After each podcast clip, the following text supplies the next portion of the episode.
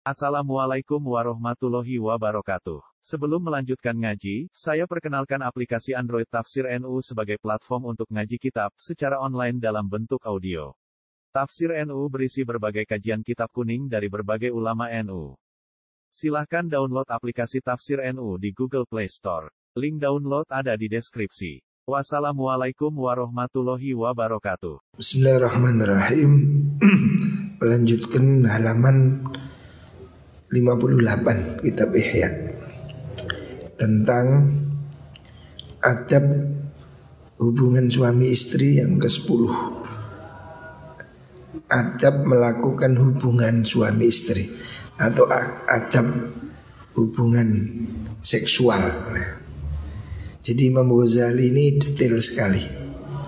Sampai tentang masalah apa namanya hubungan seks itu pun ada petunjuk ya. Gimana cara yang baik doa-doanya ya. Termasuk di sini diteruskan wali ya anin Nabi sallallahu alaihi wasallam. Walima karena perkara ruwiya kang den riwayatkan kuma anin Nabi sanging Kanjeng Nabi Muhammad sallallahu alaihi wasallam. Kanjeng Nabi dawu Anar rojula sutune wong lanang Iku layu jami'u yak tinji mak sobo rojul Ahlahu ing keluargani rojul ya. Ini kan kemarin meneras, menerangkan tentang Masalah Hukumnya apa? Melakukan azl. Nah, Azl itu jima hubungan seks tapi tidak menginginkan punya anak. Kalau hari ini ya sejenis kontrasepsi atau KB. Ada empat pendapat ulama tentang masalah itu. Akan tetapi Imam Ghazali memilih pendapat jawaz. Boleh saja orang melakukan hubungan intim ya Orang melakukan hubungan suami istri Tapi tidak ingin punya anak. Dengan cara azal. Azal itu Kalau zaman dahulu belum ada apa namanya Belum ada kontrasepsi Caranya dicabut sebelum waktunya keluar. Nah, Ditokno kayak jopo nah, Zaman dahulu. Kalau hari ini ya pakai alat kontrasepsi ini hukumnya maksimal makruh. Karena itu termasuk hal yang dianggap tidak semestinya. Nisbatnya bibit itu kan ditanam supaya tumbuh. Nah ini ada orang nanam bibit tapi tidak mau tumbuh gitu. Sebab apa? Imam Ghazali sih mengatakan itu boleh, tetapi sebaiknya ya, sebaiknya memang jangan ada keinginan tidak punya anak, karena Rasulullah Shallallahu Alaihi Wasallam menyatakan orang yang jima, jima itu apa? Ngumpuli istri, ya, itu bisa jadi dapat pahala. Fayuk tabu dan tulis lau kedua rojul Min jimaihi sangking jimai rojul Opo Ajru waladin Ganjarane anak Zakarin kang lanang ya. Jadi orang ini Jimaknya Kalau niatnya ibadah Jimaknya saja itu sudah dapat pahala seakan itu sudah punya anak laki-laki zakarin kang lanang. Kota lakang matani apa perangan sopo walad visabilillahi ing dalem ngeluhuraken agama Allah. Fakutila nuliden pateni sopo walad. Jadi berhubungan seks dengan istri ya kalau dia niatnya ibadah niatnya kepingin punya anak soleh ya. Melakukan hubungan seks dengan niat ya Allah minta diberi anak yang soleh Itu sejak berhubungan Sejak dia melakukan hubungan Itu sudah dapat pahala Bahkan tidak tanggung-tanggung Pahalanya sama dengan pahalanya Orang itu punya anak laki-laki mati syahid Ya. Padahal bayinya belum lahir, si kumpul, kan si, si proses. Tapi pahalanya sudah seperti kalau dia punya anak laki-laki perang dan mati syahid. Ya. Makanya kontrasepsi apa itu me, menunda kehamilan itu di sini dikatakan ya makruh dari segi demikian. Sebab orang punya anak ini kan jangan cuma dilihat bebannya ya. Memang punya anak ya konsekuensi biaya sekolah, biaya ini, biaya itu. Tetapi kan anak ini satu sisi yang lain juga menjadi amal jariah. Kalau anak itu tumbuh jadi anak baik, soleh, maka orang tuanya sampai besok mati dia dapat pahala jariah. Jariah anak yang soleh. Nah di sinilah apa kemarin sudah diterangkan dalam bab nikah yang pertama hikmah dari pernikahan itu untuk mendapatkan anak soleh. Balhahuna dalam gini panggonan Aslun utai pokok yukosu kang den kiasaken ya. Alihi ing atase ma wa wa utai mengkono utai mengkono kias ikut tarkun nikahi utai tinggal nikah aslan babar bisan au tarkul jima uto ninggal jima bak dan nikahi sausi nikah au tarkul inzali uto ninggal inzal gak ditokno. Ba'dal ilaji sausi dilebokno. Dilebokno tapi dimpet gak ditokno. Fakulu dhalika tes kabehani mengkuno kabeh Iku tarkun ninggal lil afdhali maring kang luwe utomo Orang tidak menikah sama sekali Atau menikah tapi tidak melakukan hubungan seks Atau melakukan hubungan seks tapi tidak dihamilkan itu semuanya dikiaskan sama meninggalkan sesuatu yang afdol. Afdolnya apa? Afdolnya ya orang menikah itu punya anak. Karena Allah mengatakan dalam Al-Quran Nisa hukum harsul lakum Faktu harsakum annasyitum Allah itu menyuruh kamu menanam Faktu harsakum. Artinya menanam itu ya punya anak itu. Maka kalau kamu tidak menikah Ataupun kamu menikah tidak kepingin punya anak Berarti kamu tidak ingin mendapat anugerah yang hebat yaitu anak itu. Anak itu salah satu tujuan dari pernikahan Walai saran ora ono iku birtika binahyin kelawan ngelakoni penyegah. Tidak menikah itu tidak melanggar larangan. Artinya tidak dosa. Jima tidak dikeluarkan pun tidak ada larangan. Tetapi itu meninggalkan sesuatu yang lebih baik. Wala farkolan orang ono bedane. Di situ tidak ada beda. Maksudnya antara tidak menikah atau menikah tapi tidak mau punya anak. Idil waladu karena utawi anak iku yutakawanu. Dan dadi akan opo mengkun walad. Biwuku in nutfati kelawan tumibani nutfah sperma fir rahimi dalam rahim. Walhalan iku kedue mengkunu nutfah arba atau asbabin utawi papat piro-piro sebab. Rupane an nikah nikah sumal wiko unulin jima Summa sobru nulis sabar Kan cara membuat anak itu kan nikah dulu Setelah nikah harus hubungan seks. Nikah tok gak diuti yo gak meteng. Seks pun anak terusane itu masa bro sabar. Seks me, me, mlebu sediluk metu yo gak sampai orgasme gak duwe anak eh bodoh ae. Makanya tuh Mas Sabru nulis sabar ilal inzali temu maring inzal. Ya kudu sampai curut. Badal jimai sause jima. Lewis ngono, sumal wukufu nuli mandek lian siba supaya nerus opal maniu maksudnya cecek nembus opal maniu mani firrahimi dalam rahim.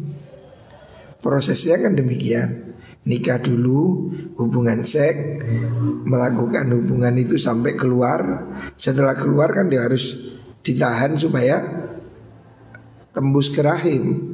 Karena walaupun orang itu sudah melakukan hubungan seks, udah keluar, tapi lah sing wedok mari kumpul terus ginjal-ginjal mencolot-mencolot, ya urut mana anu nih napa jenenge? Manine urut mana? Bisa bisa jadi tidak hamil.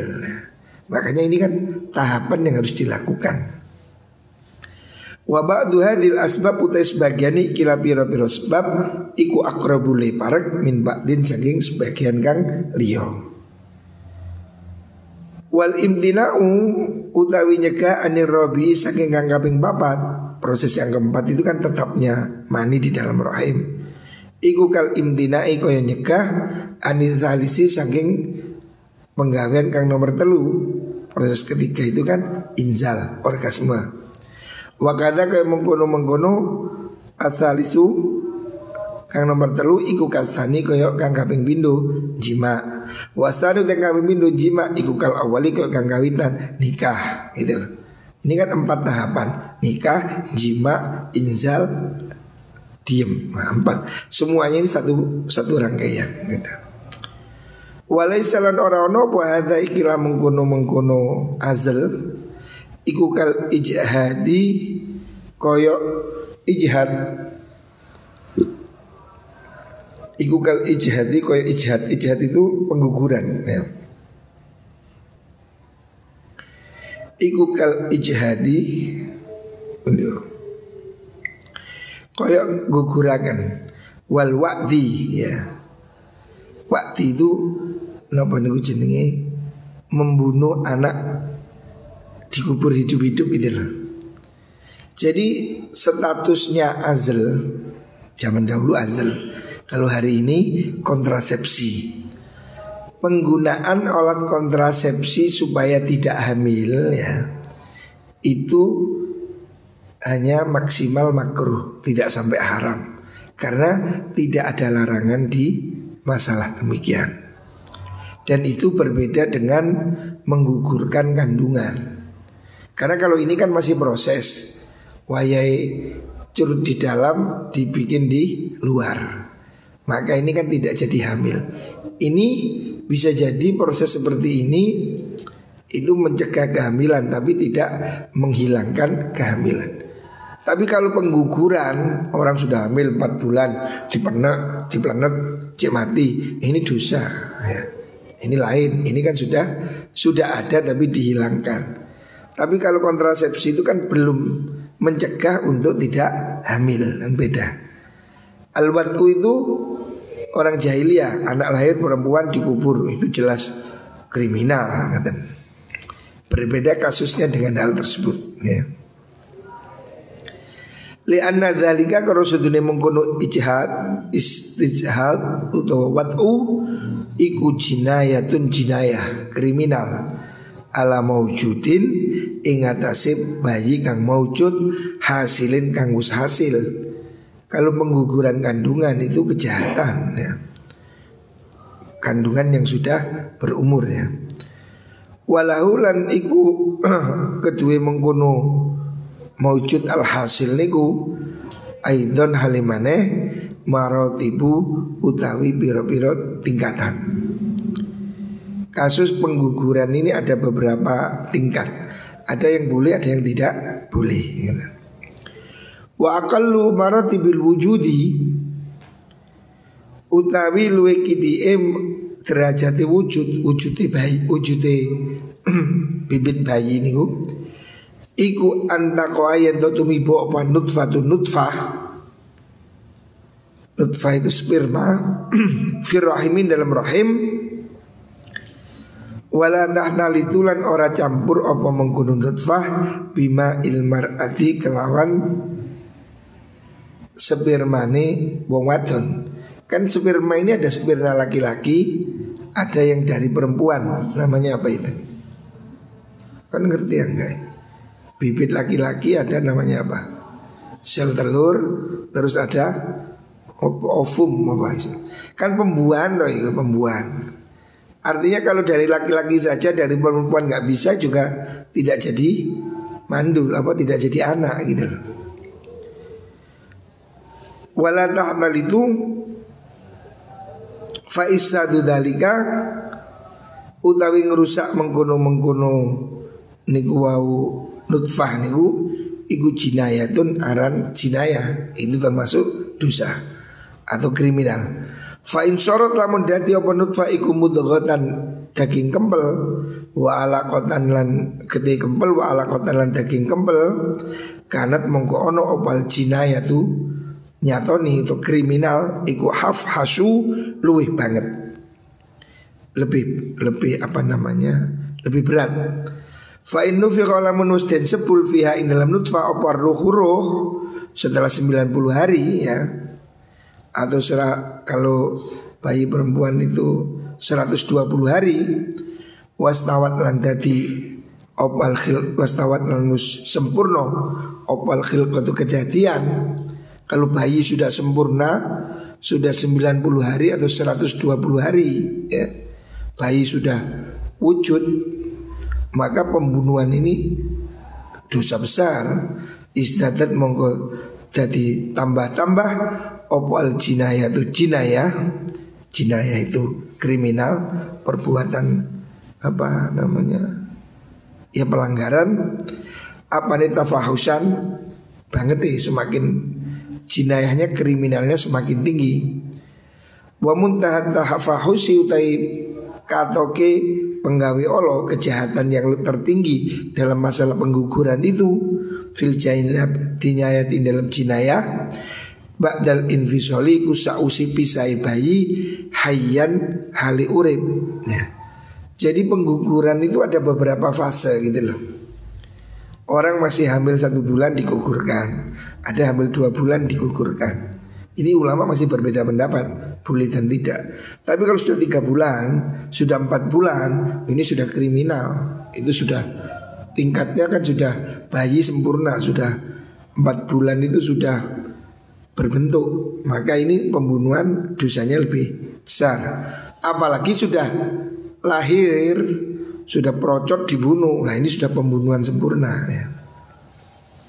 tidak boleh melakukan pengguguran tapi kalau bayi masih belum wujud ya masih satu bulan dua bulan ini ulama masih ada membolehkan karena kan belum masih proses belum menjadi bayi tapi kalau sudah empat bulan itu sepakat sudah. Kalau sudah empat bulan itu sudah membunuh bayi. Tapi kalau satu bulan itu kan masih proses, masih ngempel aja. Itu masih boleh. Ada yang membolehkan ya. Tapi kalau sudah empat bulan itu sudah sudah kejahatan ya. Tidak boleh. Wa inna makulna angin pesing ngucapakan ingsun mabda'u sababil wujudi mabda'a sababil wujudi ing lafad mabda permulaan sebab wujud maksudnya dengan hubungan seks itu min haitsu buku ilmani saking arah tumi bani mani manini wong lanang fir rahimi ing dalam rahimi wong wadon ya. proses awalnya kan dimulai dari situ ya. La min haitsul khuruji ora sangking arah metune mani minal ihlili sangking ihlil. Ihlil itu topi baja itu helm itu. Helmmu itu loh maksudnya jadi proses penciptaan itu bukan sejak keluarnya mani tapi sejak bercampurna mani laki-laki dengan rahim telur di rahim perempuan. Nah itu sudah dimulai proses pembuatan, ya. proses penciptaan. Li'annal walada karena sedunia anak iku la yukhlaku ora den akan sopo walad min mani rojuli saking manini wong lanang wahdahu hale ijene rojul. Sebab kalau maninya suami saja Tidak bisa jadi anak. Manimu ada udah botol. Ya iso badak. Tidak bisa.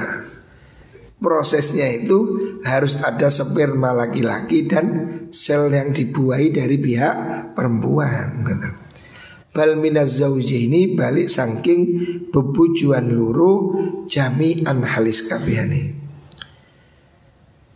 Imma min ma'i ono kalane saking manine rojul wa ma'i halan manine mar'ah au min ma'i udo saking manine rojul wa tamil haithilan ketihet bisa jadi darah haid dibuai ada kemungkinan juga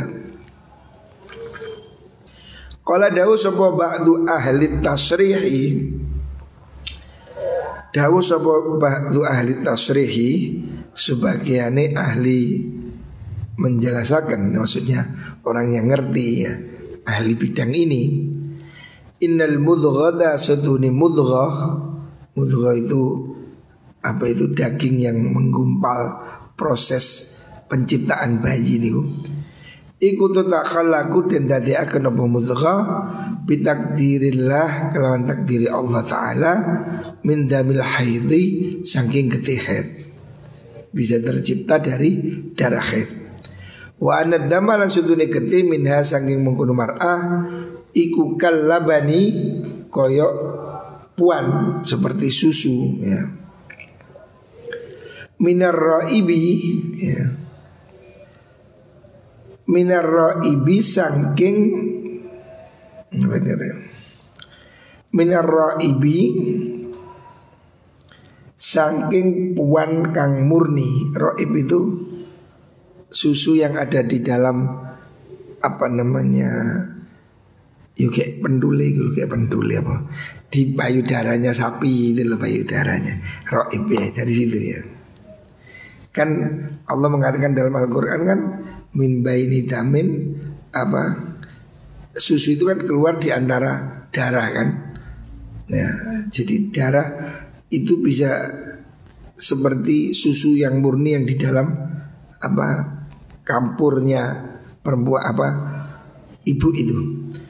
Wa nutfa utai nutfa minar rajuli utai sange wong lanang iku syartun dadi syarat iku syartun dadi syarat fi khuturi damil haidi ing dalam kentele ketehet wan iqadi lan tegese dadi atau si menggumpalnya darah head kal anfi hati kaya biro-biro babat babat nom. Maksudnya kalau payudara sapi dibuka itu dalamnya kan kayak ada apa? Pori-pori itu apa ya? Ya yang mengeluarkan susu itu. Ya. Minalabani saking puan saking susu betul. Idbiha karena kelawan mengkuno mengkuno ninutfah yang akidu dadi dadi kental opo arro ibu puan jadi puan maksud susu itu. Wakifa makan dalam kapan-kapan koyo opo ono Wakifa kana Wakifa makan dalam kapan-kapan ono. Seperti apa pun keadaannya ya Opo ma'ur rijal niku Fa'ma'ul mar'ati mongko ini wong wadon iku ruknun dadi rukun pokok fil in in ikadi in dalam dadine bayi. Jadi sperma laki-laki saja tidak bisa menciptakan bayi. Begitu juga sperma perempuan saja tidak bisa. Jadi duanya ini memang harus ada antara sperma laki-laki dan dari air apa tadi yang sel telur atau apa dari pihak perempuan. Harus ada pencampurannya seperti itu ya. Kalau tidak ya tidak bisa. satu-satu tidak mungkin. Mani perempuan saja tidak jadi anak, mani laki-laki juga tidak jadi anak kecuali kalau dicampurkan. Makanya ada istilah bayi tabung itu. Bayi tabung itu kan mengambil maninya laki-laki dan maninya perempuan terus mau diekstrak terus dimasukkan ke rahim perempuan sehingga terus dikembangkan di dalam perut. Aslinya ya harus ada mani yang diambil. Orang-orang yang kesulitan punya anak itu kan hari ini teknologi dengan yang disebut dengan bayi tabung. Bayi tabung itu ya pembuahan, pembuahan dari sperma laki-laki dalam suaminya dengan sperma istri dibikinkan reaksi reaktor terus dimasukkan ke dalam perutnya istri. Dia menjadi hamil. Prosesnya harus ada bahan dari suami dan dari istri Faya jiri lumaku opal ma'ani banyu luru Maksudnya semirma suami dan istri Majrol ijabi in dalam gon ijab wal kobuli lan kobul Seakan ijab kobul gitu loh Saling serah terima Fil wujudi dalam wujud Al hukmi kang bongso hukum. Begitu fil ukudi dalam biro-biro akad. Ya jadi antara laki perempuan terjadi pencampuran. Faman aujaba. Faman mengkote sapa nemung iku aujaba nglakoni ijab sapa man? Penyerahan sumaroja anu jabut sapa wong qoblal qabuli sak den trimo ya layakunu mongko ora ana sapa wong iku janian. Den arani wong kang apa niku nyatoni atau bersalah. Fil alal akti ingatasi akad. Bin nafli kelawan ngerusak akad wal faski lan tegese ngerusak akad. Ini maksudnya logika tadi logika orang melakukan kontrasepsi orang tidak melakukan kehamilan, melakukan hubungan seks tapi tidak ingin hamil. Itu seperti orang ijab kabul yang dibatalkan belum sampai terjadi jual beli. Karena kan tidak ada pencampuran mani laki dan perempuan. Beda kalau orang itu sudah kumpul, sudah hamil digugurkan, lah itu baru dosa. Kalau ditepis seperti pakai kondom tidak sampai ngenai. Ya itu kan tidak sampai dosa karena dia apa? Maninya belum bercampur. Wa mahamat taj ijtama alan kapan-kapan kumpul opal ijab ijab wal qabul. Lan qabul kana mengkono apa ruju'u jabal ba'da usi ijab qabul iku raf'an aran ngangkat. Wa faskhon lan ngrusak wa qad lan mutus wa kama anna nutfah talan krono koyok suduni nutfah sperma fil kofazi ing dalam balung geger di di tulang ika maksudnya di organ tubuh laki-laki iku la yatakhallaku ora bisa akan minha saking nutfah opal waladu anak fakadha kowe mengkono mengkono nutfah ba'dal khuruji sause metu minal ikhlili saking pucu zakar ikhlil itu helmnya zakar itu malam yatamazzat selagi turung campur opo mengkono ma mani mani laki-laki bima ilmar ati kalawan mani ni wong wadon wajah mihalan ketini mar'ah fahada udai kila mengkuno kias wa yuhada iku al kiasu kias al jaliyu kang terang ya. Jadi Imam Ghazali tadi ini menguraikan tentang masalah kontrasepsi kalau hari ini kalau zaman dulu azal Azal itu ya hubungan suami istri tapi tidak dikeluarkan di dalam vagina. Sebelum apa istilah orgasme dicabut, tidak dikeluarkan. Posisi seperti itu ya yang hari ini kemudian dikembangkan menjadi kondom, menjadi apa alat kontrasepsi itu tidak haram menurut Imam Ghazali. Tapi itu maksimal cuma makruh. Karena apa? Di situ belum terjadi pencampuran antara mani laki-laki dan mani perempuan. Jadi hukumnya boleh pakai kontrasepsi, pakai kondom, pakai alat yang lain. Alat untuk mencegah bertemunya mani dengan mani ini ataupun berupa obat itu tidak ada masalah. Tidak sampai haram, maksimal hanya makruh. Karena apa? Dia menunda mendapatkan anak yang mana anak itu adalah salah satu tujuan perkawinan. Tapi kalau memang ada alasan medis, orang itu memang berbahaya, tidak ada masalah, tidak makruh. Makruh ini kalau tidak ada motivasi. Enak-enak anu gak ditokno ke jero, ditokno ke jopo. Itu kan tidak sampai tidak haram ya. Cuma mungkin ya kurang memuaskan. Mungkin pihak istri merasa tidak klimaks nah, begitu ya. Pihak istri mungkin merasa kurang ini, kurang pas ya. Tapi itu yang membuat dia menjadi makruh hukumnya. Ulama mengatakan hukumnya makruh, tapi tidak sampai haram. Adapun kalau sudah terjadi pembuahan, orang sudah hamil digugurkan. Nah ini nggak boleh. Apalagi kalau hamilnya sudah berbentuk sudah empat bulan itu sudah tidak boleh. Kalau satu bulan dua bulan ini masih ada perbedaan pendapat di kalangan ulama.